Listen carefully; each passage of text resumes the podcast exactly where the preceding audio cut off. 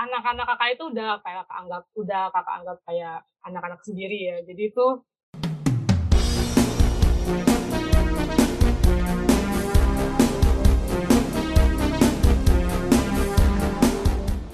Hello kind people, selamat datang dalam podcast Kind to Mind, a place where everyone is connected. Uh, selamat datang dalam episode pertama dari segmen baru season 3 uh, podcast Kind to Mind yaitu Untold Stories. Di sini uh, kita bakal bicara dengan orang-orang yang memiliki cerita-cerita menarik dengan sudut pandang yang mungkin uh, bisa memberi angle baru dari sudut pandang kita sendiri. Kenalin semuanya, uh, nama aku Jolie. Di sini sebagai host buat segmen Untold Stories untuk episode kali ini dan uh, hopefully untuk uh, episode-episode ke depannya ya.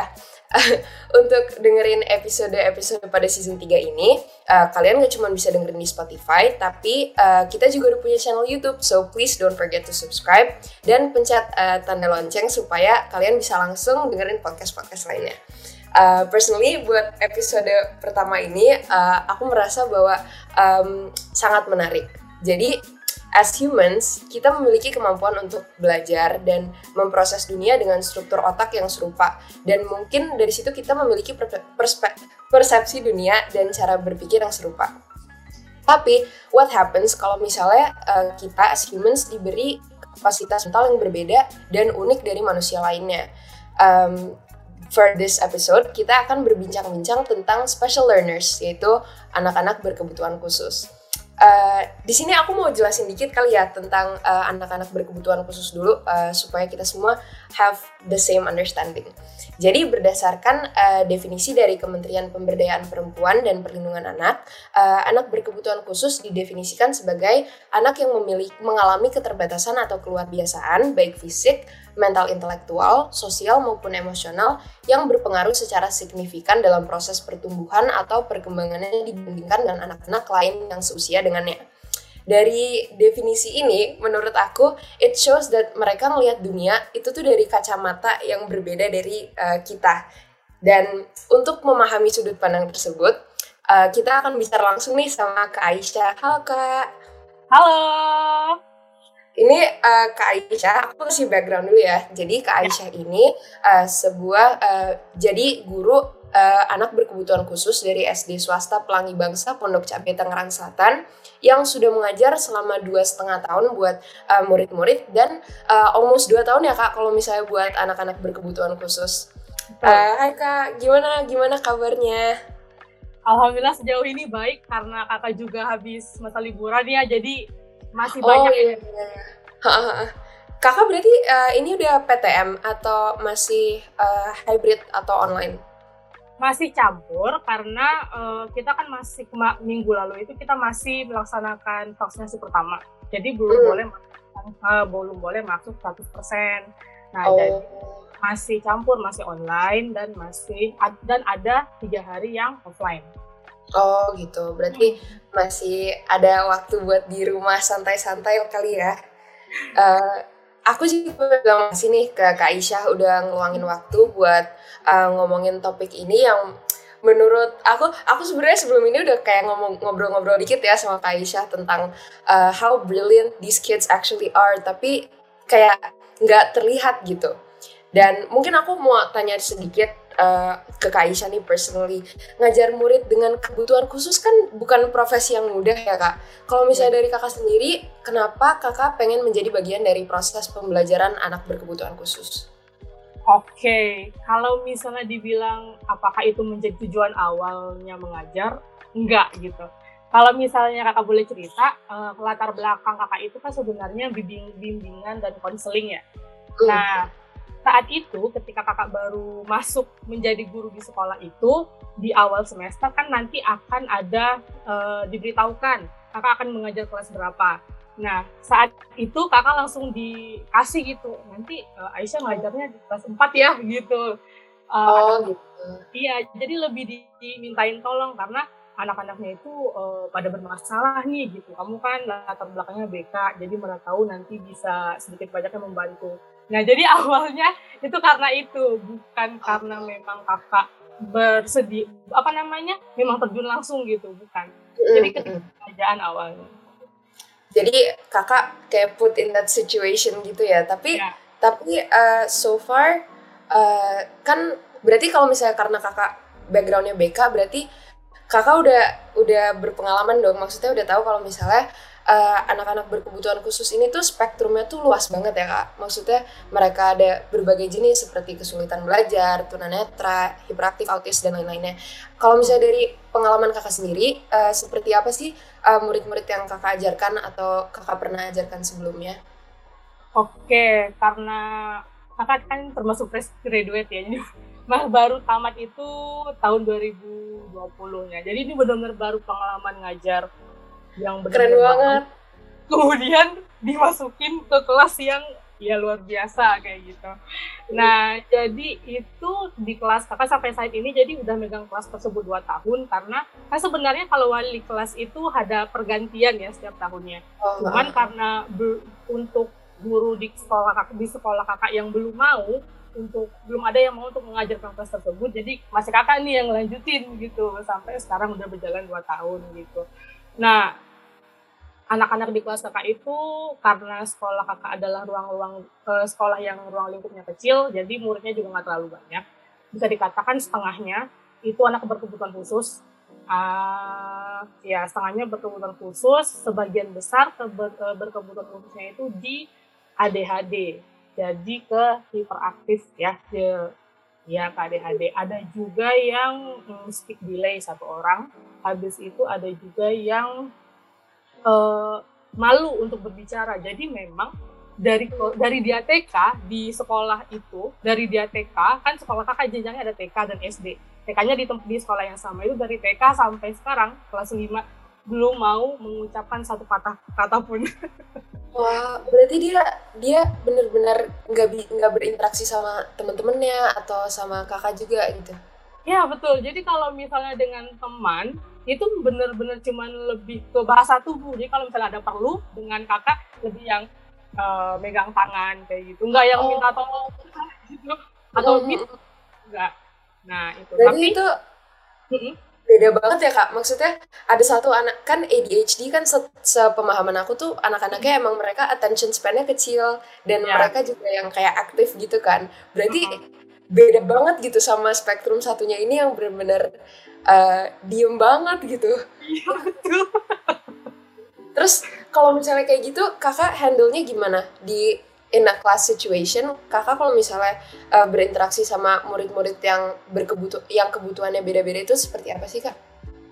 Kalau misalnya secara umum sih yang di kelas itu karena kakak dari udah paham nih situasinya seperti ini di kelas itu udah ada banyak peraturan gitu. Jadi di kelas tuh dari awal udah banyak peraturan yang harus diterapkan gitu. Jadi dan memang uh, ada konsekuensinya jika mereka tidak melaksanakan uh, peraturan tersebut gitu. Nah, uh, uh, jadi semua anak itu dapat peraturan gitu, termasuk si anak yang tadi gitu. Untuk anak yang ADHD, uh, uh, biasanya itu peraturannya adalah uh, sebisa mungkin uh, kerjakan dulu. Misalnya kakak ngasih tugas nih kalau kakak ngasih tugas sebisa mungkin kerjain dulu tugasnya sebisanya dia gitu. Nah nanti kakak akan cek.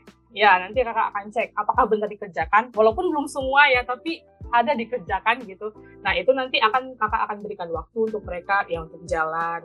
Karena kan memang tidak bisa dipungkiri anak-anak ADHD itu memerlukan waktu untuk bergerak ya kan? Kalau oh, iya, misalnya iya. ya kalau kita tahan ya nanti uh, perilaku yang ditimbulkan biasanya agresi agak agresif gitu kan. Hmm. yang teriak ya, atau malah marahnya tuh yang berlebihan gitu. Jadi sebelum itu terjadi lebih baik diberi ruang untuk jalan-jalan yeah. gitu. That's nice. yeah that's really nice kalau misalnya emang peraturannya kan juga disesuaikan sama kebutuhan mereka juga ya kak. Jadi kayak itu membuat membuat situation di kelasnya juga lebih nyaman buat mereka belajar nggak sih? Iya betul. Nah kalau untuk yang tadi, yang kasus yang dia tidak mau berbicara itu ya setidaknya kalau misalnya tidak bisa berbicara, kakak masih penyesuaian sampai sekarang masih mencoba membangun rasa percaya dirinya. Karena sebenarnya dia bukan nggak bisa, beda dengan speak delay yang memang uh, punya gangguan di area mulut kan. Nah dia itu memang yang malu.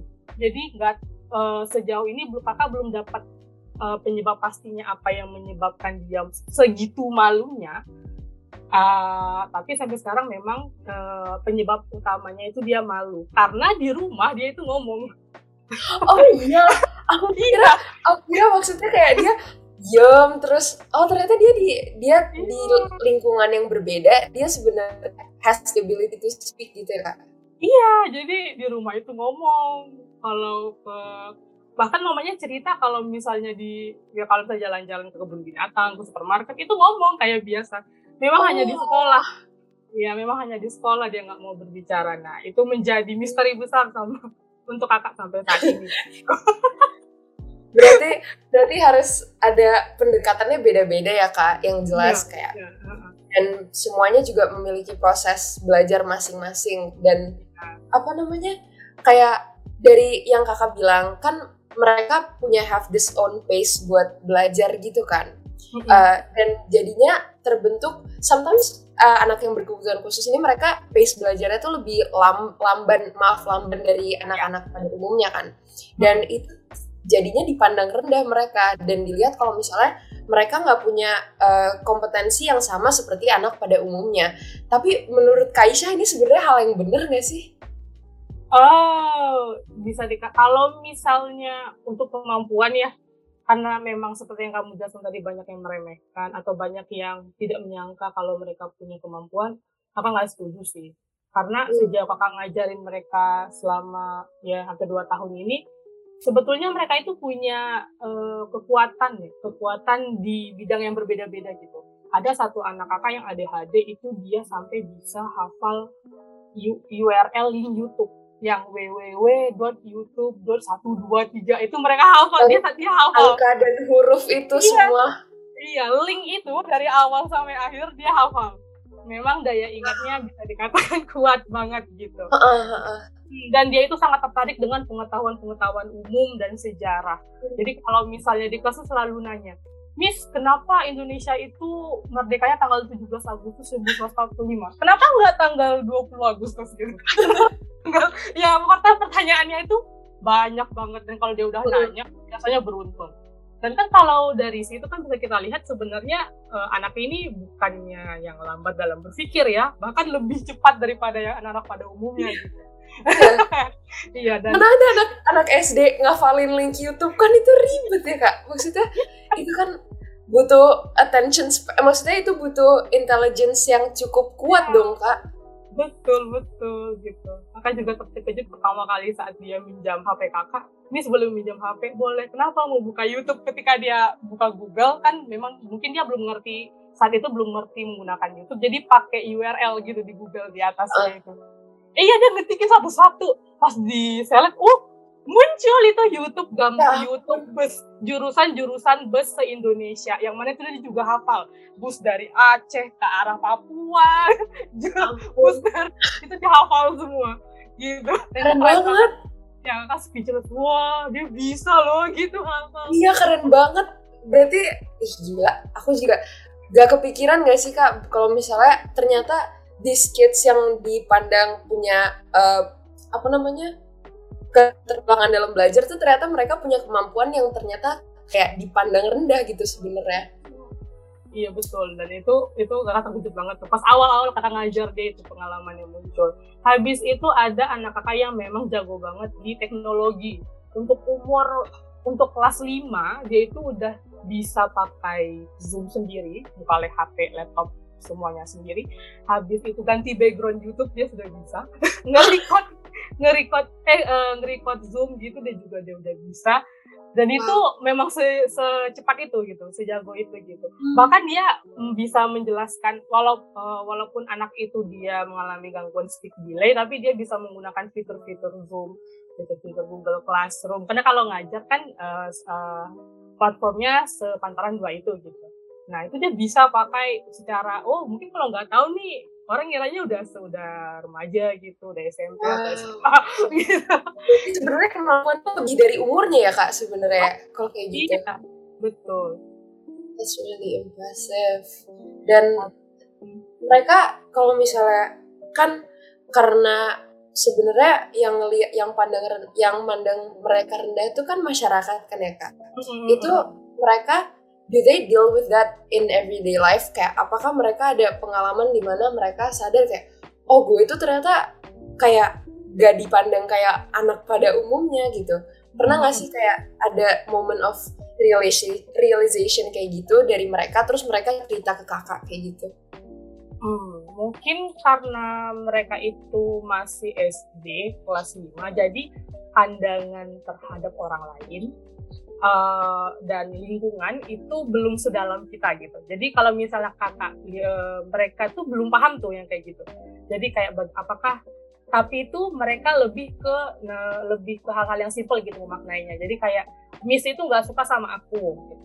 Karena aku itu pernah nulis lambat Nah, jadi aku sering dimarahi. Jadi lebih yang kayak gitu gitu. Nah, jadi kalau hmm. ditanya yang berbau kompleks belum bisa mereka ya. Jadi pandangan mereka juga belum seluas itu gitu. Cuman memang uh, karena yang sebelumnya kan uh, bukan kakak nih yang ngajar gitu.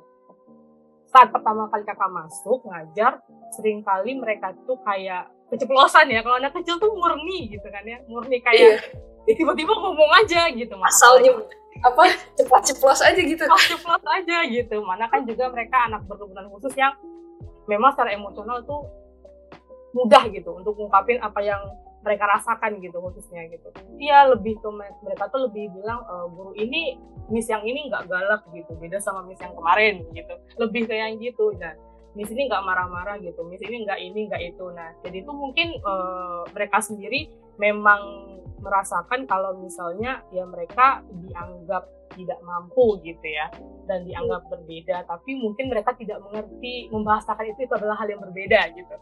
Oh iya iya iya. Ya gimana? Gitu lah kira-kira. Uh, kayak in their mind it's way more simple dibanding kayak bukan karena kemampuan mereka tapi cuman kayak gara-gara persepsi orang lain yang nggak suka yang mereka nggak suka aja gitu. Ah ya gitu. seperti itu. Itu kalau misalnya mereka kalau sama temen-temen mereka bergaul kan kak sama orang sama murid-murid yang uh, tidak berkebutuhan khusus maksudnya murid-murid yang uh, dalam kelas-kelas biasa. Itu mereka interaksinya kayak gimana kak? Kalau misalnya interaksinya itu berteman seperti biasa, cuman memang kadang itu uh, sering terjadi perbedaan maksud gitu. Dari anak yang berkebutuhan khusus sama enggak. Nah kan kalau misalnya ada satu anak uh, kakak yang dia itu memang kalau menjelaskan sesuatu itu berapi-api gitu suaranya lantang kelas gitu ya. Wah iya misalnya aku kayak gini memang bener-bener lantang sekali gitu ya. Nah terkadang teman-temannya yang umum yang biasa ini salah mengartikan oh dia marah gitu. Oh dia ngomongnya gitu dia marah oh, aku gitu uh, uh, jadi di situ uh, kesulitan untuk enggak ngasih pengertiannya gitu. Enggak itu bukan marah. Raja itu uh, namanya raja ya tuh anak ini. Raja itu memang yang kayak gitu cara menyampaikannya tapi dia nggak marah sebenarnya nak gitu. Oh gitu miss. Iya soalnya aku terkejut kayak gitu. Jadi sebenarnya kalau misalnya untuk ber bersosialisasi mungkin karena juga mereka udah lumayan udah, udah kelas lima ya saat ini gitu udah udah lumayan besar gitu uh, tidak tidak ada kehala, ber, apa halangan yang terlalu gimana gimana gitu. Paling kebanyakannya itu salah persepsi itu gitu. Yang mana nanti oh. bisa menimbulkan pertengkaran gitu ujung-ujungnya gitu. Iya iya. iya. Terus mereka problem solvingnya tuh gimana kak? Kalau misalnya uh, contoh ada konflik di antara mereka dan temannya hmm. yang uh, tidak berkebutuhan khusus itu seperti apa nanti pola interaksinya kalau misalnya mereka uh, dalam konflik situation gitu? Nah, nah beda-beda tuh tiap anaknya kalau misalnya yang kakak bilang yang anak kakak anak kakak yang dia yang pintar yang mudah untuk mengingat itu dia bisa menjelaskan uh, aku tuh maksudnya nggak kayak gitu gitu dia bisa tuh kadang menjelaskan tapi mungkin kan temennya yang ini juga akan lebih ini lagi ya oh, oh iya, iya. kayak gitu karena juga anak-anak ya jadi kayak ya mau disalahin gitu jadi tapi aku maksudnya nggak kayak gitu jadi ya paling kakak di situ menengah gitu yang satu itu sudah bisa menjelaskan uh, dengan baik gitu bagaimana hmm. situasi yang terjadi gitu. Nah untuk beberapa anak-anak yang lain tuh belum. Jadi memang butuh pendampingan gitu. Jadi yang benar-benar harus dipantau yang kakak tuh nggak boleh ninggalin kelas lama-lama gitu. Nggak boleh malah ninggalin kelas karena kan mereka situasinya situasinya khusus gitu kan. Jadi banyak hal kemungkinan yang yang bisa terjadi di kelas gitu. Jadi menurut harus dilihatin. Ada anak yang cuek juga gitu setelah dia melakukan kesalahan ya udah gitu, gitu. udah dia gitu nah, nanti kalau kayak ada yang seperti itu baru nanti kakak akan berikan tuh nggak kayak gitu gitu itu belum belum boleh dilakukan gitu misalnya kamu harusnya seperti ini seperti ini ya. That's nice. Pasti pengalamannya berkesan banget gak sih kak? Aku aku ngerasa kalau misalnya kayak aku di posisi kakak itu tuh kayak it's a very humbling experience kayak bisa bisa bertemu dengan anak-anak seperti itu dan membantu mereka kayak berkembang in their own way. It's very nice. It's a very apa namanya kayak heartwarming experience gak sih kak? Betul betul. Itu betul banget itu. Iya, terus um, pernah pernah berarti kayak kalau misalnya dalam uh, hubungan interaksi mereka on a day to day basis berarti emang kakak menjadi kayak uh, moderator ya nggak cuma guru tapi juga sebagai penengah dalam apa namanya their friendships and their different kind of relationships gitu. Dan um, di umur anak SD kan itu tuh tahap perkembangan yang cukup penting ya kak buat anaknya nggak sih? Mereka uh, mulai membangun kepribadian dan mereka juga building their esteem and confidence dan sebagai guru nih mungkin uh, Kak Aisyah juga uh, berinteraksi sama beberapa orang tua dari anak berkebutuhan khusus ini yang kakak ajarkan. Dari situ uh, kira-kira kakak bisa ceritain dikit nggak ya kayak pentingnya seberapa penting sih peran orang tua terhadap perkembangan kesehatan mental dari anak-anak uh, berkebutuhan khusus ini yang kakak ajarkan? Wah itu penting banget ya, karena kelihatan banget perbedaan hasil gitu, hasil didik anak-anaknya dari berbagai pola asuh yang diajarkan gitu ya. Kelihatan banget. Ada kalau ada satu ada orang tua yang sering kerja di kelas kakak itu. Jadi memang yang orang dua-duanya itu pekerja, jadi suka ninggalin anaknya gitu ya uh, atau menitipkan. Nah, itu uh, hasilnya perilaku anaknya itu juga berbeda. Ada juga anak yang memang sampai sekarang masih diterapi uh, dan dipantau terus sama orang tuanya. Kayak benar-benar diluangkan waktu walaupun uh, dia adalah orang tua yang bekerja, tapi malamnya masih menyempatkan waktu untuk menemani anaknya belajar, membacakan buku cerita dan gitu-gitu. Hasilnya juga beda anaknya gitu. Lebih Kayak gimana tuh Kak? boleh cerita dikit gak? Jadi kalau misalnya yang hmm, pekerja ini rata-rata memang untuk beberapa skill life skillnya atau agak terhambat gitu. Ada yang saat itu masih kesulitan sampai sekarang masih kesulitan dalam kesulitan dalam toilet training. Nah, jadi belum bisa benar mengatur mengatur toilet trainingnya dengan secara mandiri gitu. Hmm. Nah, Iya kayak gitu. Kemudian ada beberapa anak juga yang uh, mudah untuk berbohong. Nah dan sedikit manipulatif gitu ya. Nah kayak gitu. Itu biasanya uh, kalau kakak lihat nih dari latar belakang orang tuanya itu tipe-tipe yang pekerja dan yang nggak punya waktu gitu untuk anaknya gitu. Nah, jadi itu ya udah dilepas aja anaknya di rumah, dikasih tahu nanti ada sekolah jam segini, segini, jangan lupa datang gitu. Jangan lupa masuk Zoom gitu. Nah, udah nanti baru pulangnya gimana kayak gitu. Nah, kalau untuk anak yang benar-benar dipantau sampai sekarang, sampai terapi, itu juga menunjukkan perkembangan yang baik khususnya dalam kemandirian dan disiplin. Nah, anak-anak yang di terapi ini udah udah paham aja gitu. Karena ngasih instruksi sekali, itu dia udah ngerti. Dan inget banget malah. Nggak boleh tadi Miss bilang kayak gitu gitu dia udah ngerti banget gitu. Kalau oh, jadi udah udah langsung langsung disiplin gitu ya kak? Iya langsung duduk gitu. Gak belum boleh keluar dulu ya sebelum jam gitu, sebelum jam 11 gitu. Udah dia diam aja di kelas tuh. Cuman diam, duduk, ngeliat-ngeliat buka buku kayak gitu. Lebih lebih disiplin, habis itu lebih mudah diatur.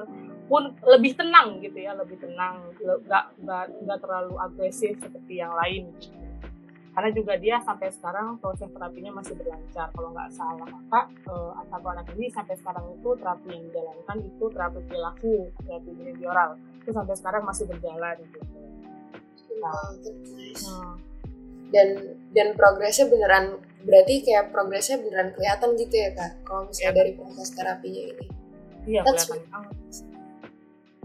Uh, kalau misalnya menurut kakak nih, as a teacher kan, kakak berarti setiap hari ketemu sama anak-anak itu kan? Iya. Kayak, do you think, do you think they're happy? Kayak mereka, walaupun dengan memiliki keterbatasan-keterbatasan itu, do you think that they have this life that mereka satisfied with and they're happy with gitu kak? Ah, gimana ya? Kalau kakak bilang, apakah mereka selalu happy? Kakak nggak bisa eh, ini juga ya, nggak bisa menjelaskan secara keseluruhan. Tapi bisa dilihat mereka itu karena memiliki kesukaan yang berbeda-beda.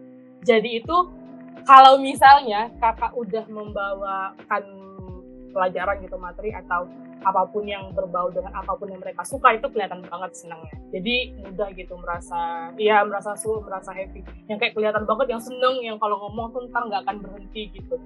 Iya nyosol gitu membahas topik itu gitu. Itu mereka Lucu banget. Iya, kayak gitu.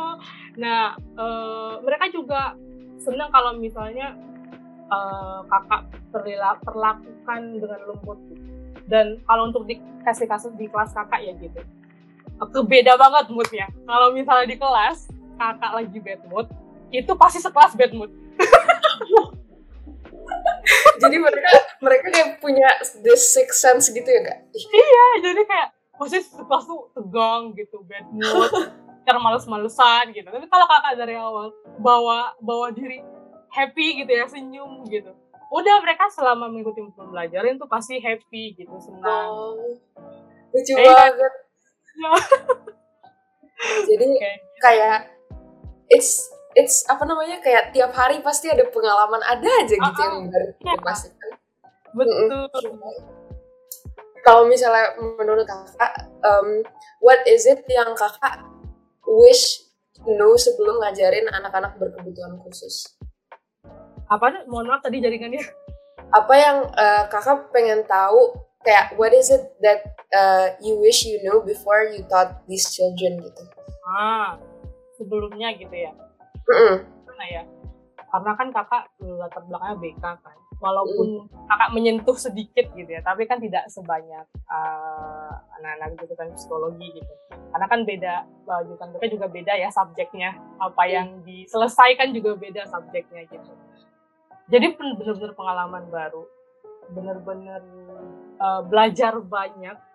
Bener-bener meng- eh, belajar banyak itu bukan hanya dari segi pengetahuan gitu ya, tapi bener-bener harus aware kalau kakak itu harus sangat sabar. Jadi harus sebelum ngajarin mereka, pokoknya nanti itu tuh bener-bener yang pas sebelum ngajar itu persiapannya, persiapan dari materi ajar, media ajar, itu bener-bener yang harus interaktif gitu, harus yang maksimal. Karena mereka kalau diajarin secara ceramah, dijelasin dong tuh nggak akan, eh, biasanya nggak akan ngerti gitu jadi mudah lupanya. Jadi kalau ngajarin di kelas itu harus menyiapkan beberapa metode games uh, maupun lagi online gitu ya harus main quizzes, main Kahoot, pokoknya upgrading ilmu terus gitu ya. harus iya maksudnya gaya belajarnya juga harus tetap kayak dinamik gitu ya antara antara media belajarnya sama muridnya juga gitu Iya, karena kalau cuma ngajarin uh, dengan ceramah gitu, cerita, menjelaskan itu nggak akan masuk. Itu nggak akan masuk. Jadi banyak sekali yang dipersiapkan sebelum mengajarkan mereka. Dan pastinya ini kakak dulu ya, kesiapan hati dulu ya. Karena tadi kalau misalnya kakak hari itu ngajarin bad mood, udah itu Hmm, sampai akhir kayak kayak yang nggak ada gunanya kakak ngajarin nggak akan masuk gitu.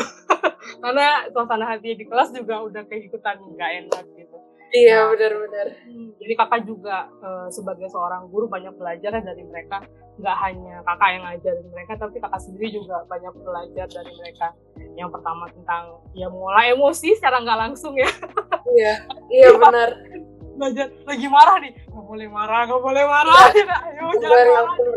mereka mereka juga soalnya butuh kakak buat in a calm state buat belajar gitu kan jadi kayak penting banget juga buat kakak belajar juga nggak sih Betul, jadi memang setiap harinya itu belajar gitu. Hari ini mau ngajarin apa pakai metode apa. Besok harus ngajarin pakai metode yang berbeda. Pokoknya nggak bisa yang sama gitu setiap harinya. Karena kalau sama, mereka tipe yang juga mudah bosan kan. Apalagi Hmm. kalau yang sekali itu ADHD yang mudah hilang fokusnya, eh, konsentrasinya mudah hilang. ya udah jadi yang bener-bener ngajarin yang mereka bisa tahan lama gitu perhatian hmm. jadi yang bener-bener menjaga konsentrasi mereka itu sulit itu sih yang bener-bener harus persiapan diri sendiri khususnya iya penting mm. banget ya kak berarti khususnya kesabaran dan emosional karena langsung dinamika kelas bisa langsung berubah tiba-tiba kan kalau misalnya kakak marah atau gimana betul. Nah, betul aku langsung mungkin aku mau nanya pertanyaan terakhir nih kak. Um, menurut selama kakak mengajarkan uh, anak-anak berkebutuhan khusus ini um, menurut kakak apa sih pengalaman yang tidak bisa tergantikan? Dan uh, secara pribadi apa sih arti anak-anak uh, ini bagi kakak? Wah itu panjang. Itu bakal luas banget. Aduh itu anak-anak kakak itu udah kayak kakak anggap udah kakak anggap kayak anak-anak sendiri ya. Jadi itu mereka cuma bersembilan sebenarnya. Jadi itu oh. karena mereka sedikit jadi mudah bagi kakak untuk mengenal secara mendalam satu persatu. Jadi itu benar-benar mereka itu bisa dikatakan anak.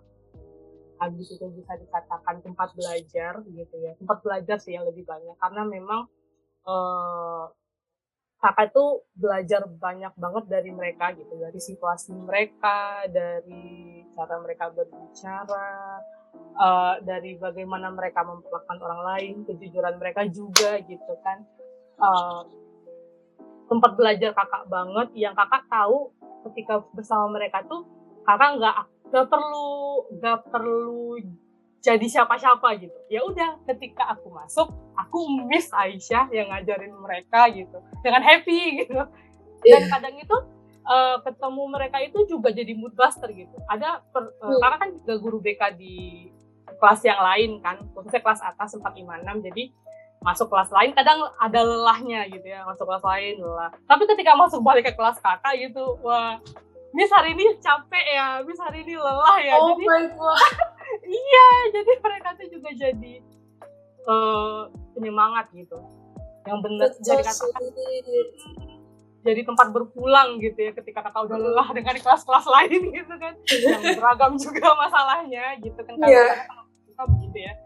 Iya mm. jadi pulang gitu. Banyak banyak. Udah kayak keluarga gitu ke anak-anak kakak atau bagi kakak gitu. Dan harapannya juga semoga yang terbaik gitu buat mereka gitu dan uh, harapannya juga uh, semoga ke depannya mereka dapat lingkungan yang lebih baik gitu. karena kita tahu mereka itu bukan anak-anak yang benar-benar nol gitu. Kalau orang kan mikirnya oh anak-anak ini yang benar-benar udah nggak ada harapan lah gitu ya. Setidaknya mereka bertahan hidup aja udah bagus gitu kan. Kalau kalau kata orang pada umumnya gitu kan. Iya. Uh, tapi di mereka tuh sebenarnya nggak kayak gitu gitu. Setiap anak itu punya sinarnya masing-masing. Gitu. ada yang ya tadi kekacauan mereka punya kekuatan yang masing-masing punya ketika ketika A ya dia punya ciri khasnya dia A gitu. Nggak bisa diganti gitu. Dia nggak bisa jadi B dia nggak bisa jadi C dia, dia A gitu.